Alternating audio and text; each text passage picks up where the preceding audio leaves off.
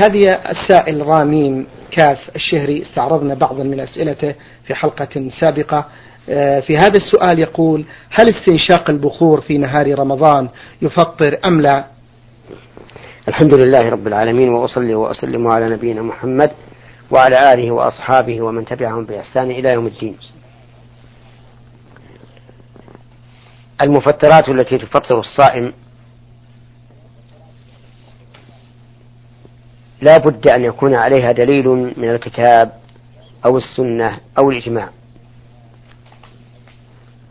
وإلا فالأصل أن الصوم صحيح غير باطل.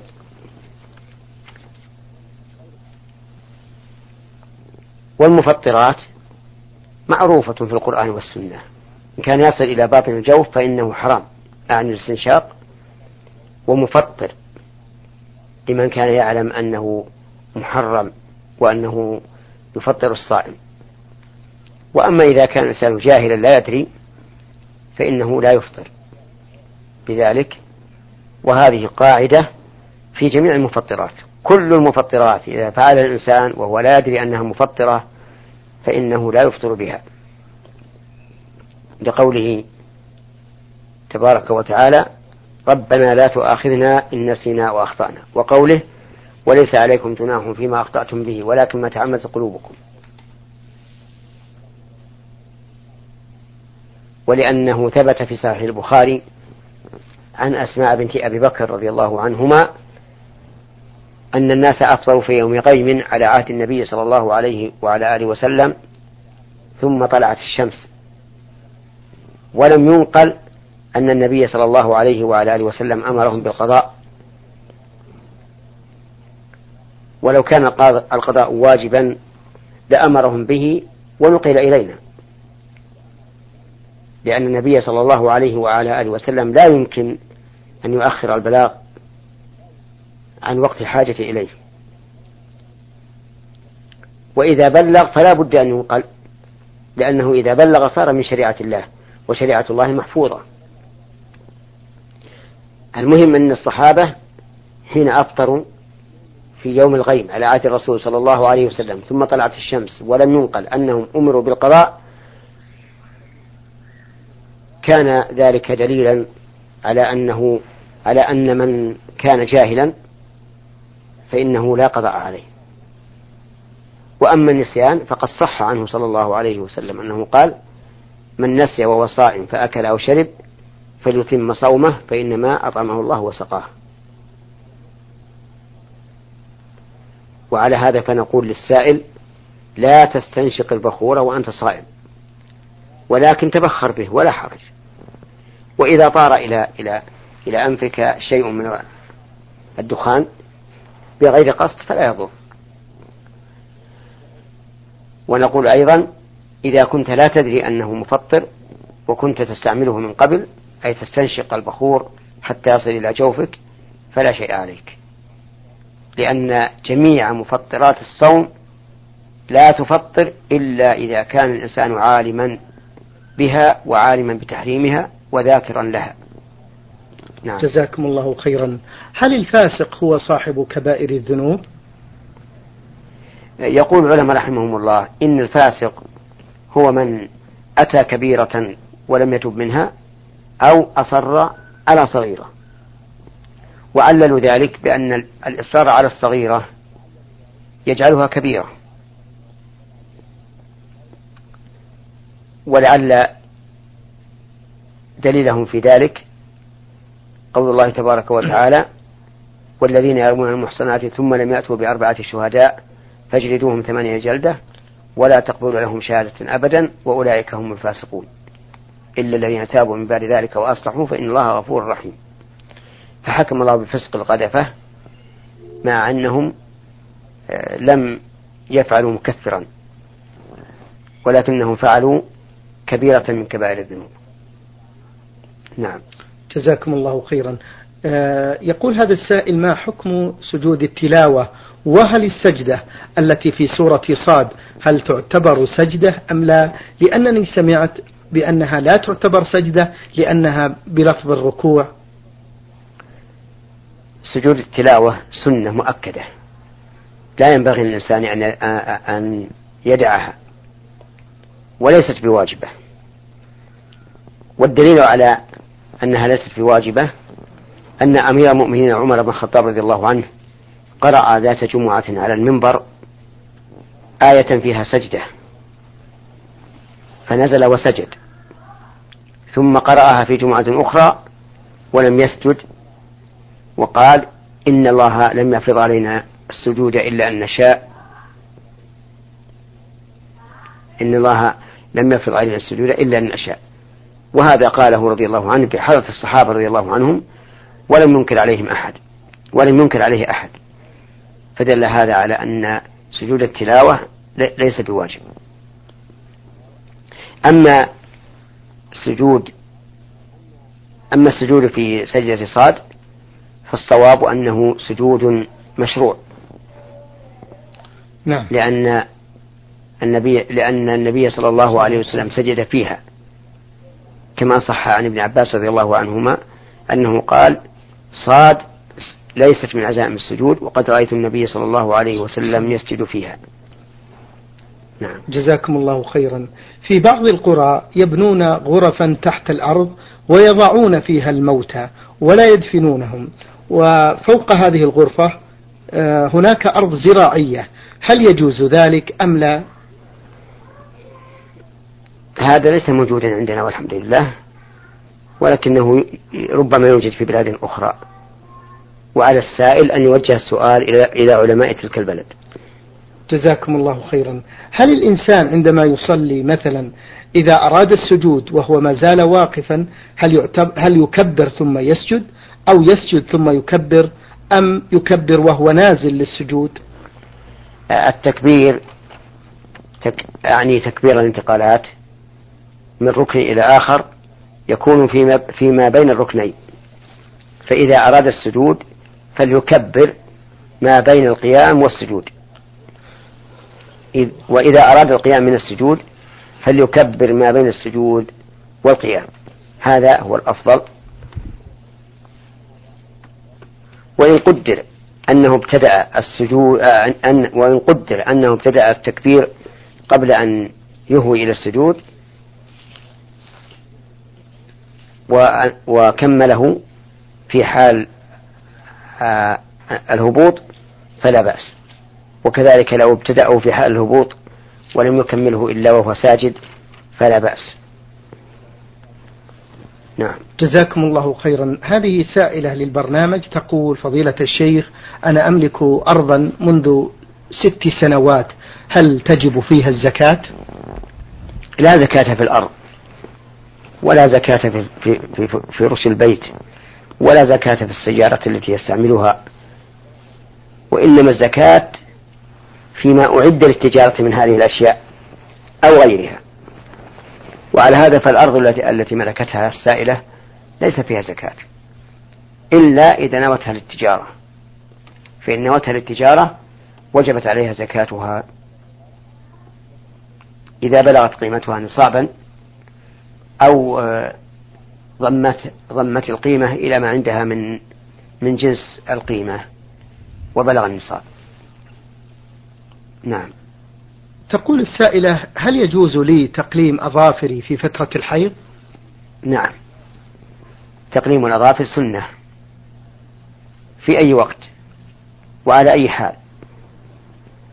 وقد وقت النبي صلى الله عليه وسلم لتقليم الأظافر وحف الشارب ونتف الأبط وحلق العانة ألا تترك فوق أربعين يوما.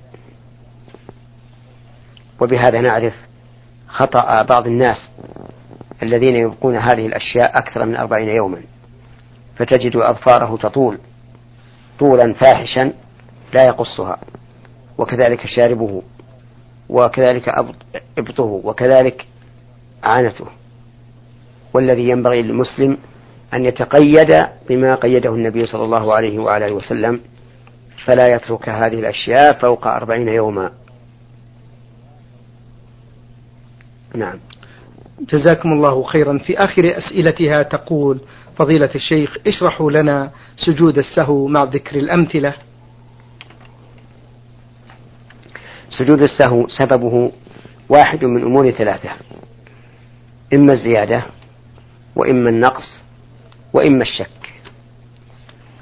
والمراد بالزيادة هنا الزيادة الفعلية.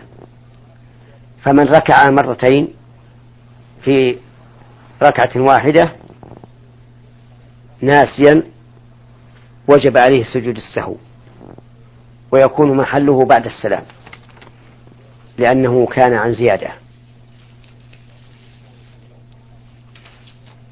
ومن صلى خمسا في رباعية ناسيا لم تبطل صلاته لكن عليه سجود السهو بعد السلام. ومن قام عن التشهد الأول ناسيا لم لم تبطل صلاته لكن عليه سجود السهو ويكون قبل السلام. ومن ترك قول سبحان ربي الأعلى في السجود أو سبحان ربي الأعلى في الركوع وجب عليه سجود السهو ويكون قبل السلام. وأما الشك وهو السبب الثالث لسجود السهو فهو التردد. بأن يتردد الإنسان هل صلى ثلاثا أم أربعا. والحكم في ذلك أن يقال إن كان الإنسان كثير الشكوك لا يكاد يصلي صلاة إلا شك فيها فلا عبرة بشكه وليلغه ولا يلتفت إليه. وإن كان معتدلا ليس فيه وسواس وليس فيه شكوك نظرنا. هل يغلب على ظنه ترجيح شيء؟ فليأخذ بما غلب على ظنه وليتم عليه ثم يسجد سجدتين بعد السلام. وإن قال ليس عندي ترجيح. قلنا ابني على اليقين وهو الأقل وتمم عليه ثم اسجد قبل السلام. مثال ذلك رجل شك هل صلى ثلاثا أم أربعة. فقلنا له ما الذي يغلب على ظنك قال يغلب على ظني أنها ثلاث. نقول ائت بالرابعة واسجد بعد السلام. إنسان آخر شك هل صلى ثلاثا أم أربعا. وقلنا له ما الذي يغلب على ظنك؟ قال ليس عندي غلبة. غلبة ظن الشك عندي متساوي. نقول اجعلها ثلاثا. لأنها الأقل. ثم أتي بالرابعة. واسجد سجدتين قبل السلام. نعم. جزاكم الله خيرا. هذه سائلة للبرنامج تذكر وتقول بأنها سيدة تعاني من آلام في المفاصل وتصلي وهي قاعدة. فهل يجب عليها في مثل هذه الحالة آه، في مثل حالة السجود أن تضع شيء أمامها لتسجد عليه أم ماذا تفعل في حالة السجود؟ أولا أنا لا أرى أن يطلق كلمة سيدة على المرأة لأن هذا اسم مستحدث. أتانا من قبل الغربيين الذين يقدسون النساء ويعطونهن مرتبة فوق المرتبة التي جعلها الله لهن. وإنما يقال امرأة أنثى فتاة وما أشبهها. هذا هو هذه هي الألفاظ التي جاءت في الكتاب والسنة. ولا ينبغي أن نعدل عما جاء في الكتاب والسنة لا سيما إذا كانت هذه الكلمة فيها إشعار بتقديس المرأة وتنزيلها فوق منزلتها. وأما سؤالها تقول آه، بأنها تعاني من آلام في المفاصل نعم. وتصلي وهي قاعدة. وأما سؤالها عن الآلام التي في مفاصلها وأنها لا تستطيع القيام فنقول إن النبي صلى الله عليه وسلم أفتى عمران بن حصين فقال له صل قائما فإن لم تستطع فقاعدا فإن لم تستطع فعلى جنب. فإذا كانت لا تستطيع لا تستطيع القيام قلنا صل جالسة وتكون في حال القيام متربعة. كما صح ذلك عن النبي صلى الله عليه وعلى آله وسلم. ثم تؤمي بالركوع وهي متربعة. ثم إن استطاعت السجود سجدت. وإلا أومأت. وإلا أومأت إيماء أكثر من إيماء الركوع. وليس من السنة أن تضع مخدة تسجد عليها. بل هذا إلى الكراهة أقرب لأنه من التنطع والتشدد في دين الله. وقد ثبت عن النبي صلى الله عليه وعلى آله وسلم أنه قال هلك المتنطعون. هلك المتنطعون. هلك المتنطعون. نعم. جزاكم الله خيرا. في ثاني أسئلة هذه السائلة تقول هل صلة الرحم تشمل أبناء الخالات الرجال أم النساء فقط؟ لأنني منقبة لا أجالس الرجال إلا محارمي ماذا أفعل تجاه من مات؟ وكنت لا أصله. هل تكفي التوبة والاستغفار والتصدق عنه؟ وأداء العمرة له. وجزاكم الله خيرا. الرحم التي تجب صلتها هي القرابة. من قبل الأم أو من قبل الأب. فالأعمام والأخوال كلهم يجب على على الإنسان أن يصلهم ولكن إذا كانت الأنثى ليست محرما لهم فلا يحل لها أن تذهب وتسلم عليهم بالمصافحة وكشف الوجه لأن ذلك حرام عليها مع غير محارمها. لكن تسأل أهل البيت من النساء كيف أنتم كيف الرجال كيف النساء كيف الأولاد وما أشبه ذلك. وأما من ماتوا وهي لم تصلهم فإنها تتوب إلى الله عز وجل من القطيعة التي حصلت منها وتستغفر لهؤلاء الذين ماتوا. فإن هذا من صلتهم بلا شك. نعم. السائلة في آخر أسئلتها تقول أصوم الأيام البيض من كل شهر ثلاثة عشر وأربعة عشر وخمسة عشر ولكن أحيانا يصادف وجود الدورة الشهرية فهل يجوز لي أن أصوم ثلاثة أيام بدلا منها من نفس الشهر؟ نعم صيام ثلاثة أيام من كل شهر سنة. وقد أخبر النبي صلى الله عليه وسلم أن صيام ثلاثة أيام من كل شهر صوم الدهر كله. ولكن الأفضل أن تكون في أيام البيض. ثلاثة, ثلاثة عشر وأربعة عشر وخمسة عشر.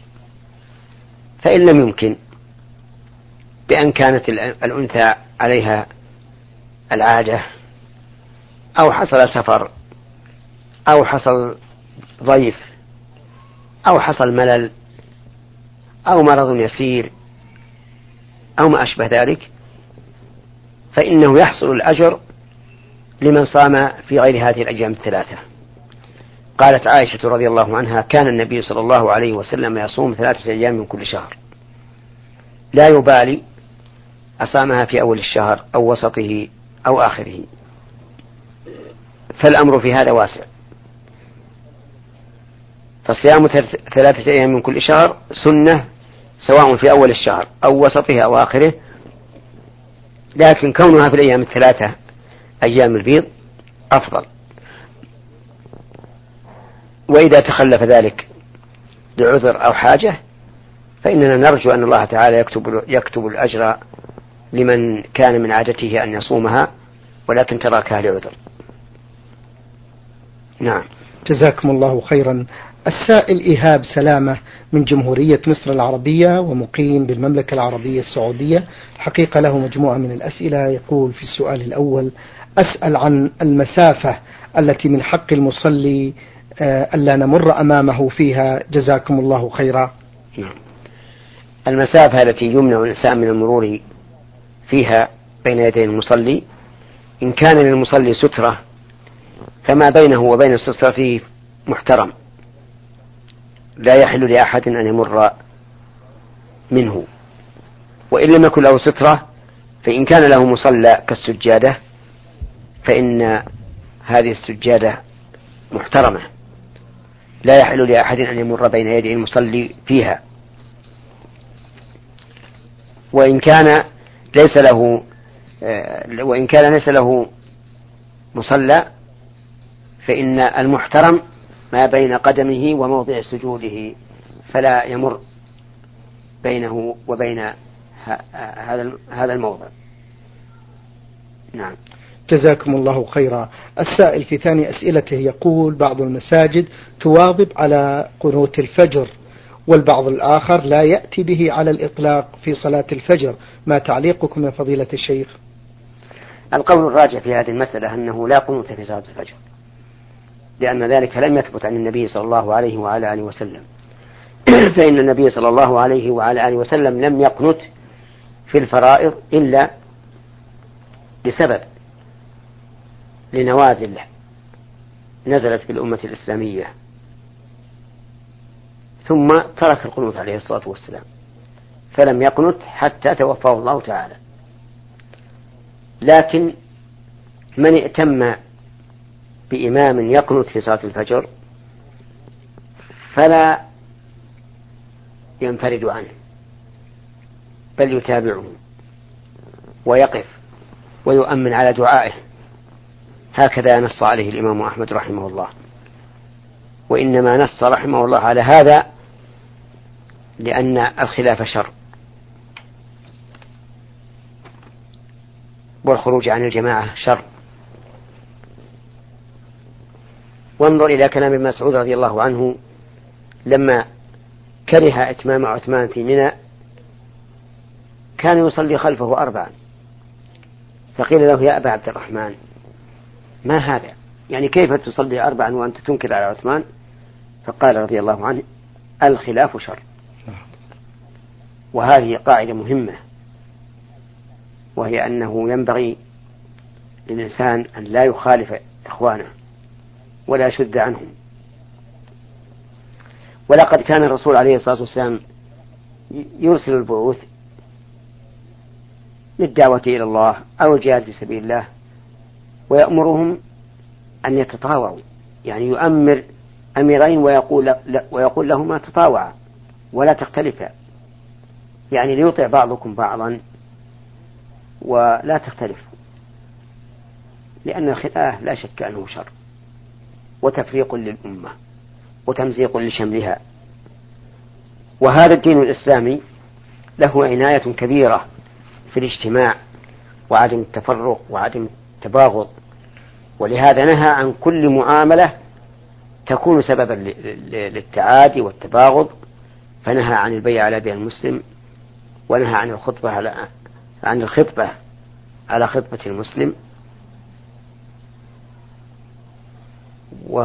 ونهى عن السوم على سوم أخيه ونهى عن تلقي الجلب وأشياء كثيرة مما يدل على أن النبي صلى الله عليه وعلى آله وسلم لا يريد من أمته أن تتفرق وتتمزق. قال الله تعالى واذكروا نعمة الله عليكم إذ كنتم أعداء فألف بين قلوبكم فأصبحتم بنعمته إخوانا. نعم. جزاكم الله خيرا. السائل يقول ما حكم سجدة التلاوة في الركعة الأولى من صلاة الفجر في كل ليلة جمعة؟ وهل ورد فيها شيء في السنة؟ وما حكم من يواظب عليها ومن يتركها؟ حيث أنني لاحظت بعض المساجد تواظب عليها بالترتيب ومساجد تتركها بالكلية. مأجورين. قراءة السجدة يعني سورة ألف لام ميم تنزيل السجدة نعم.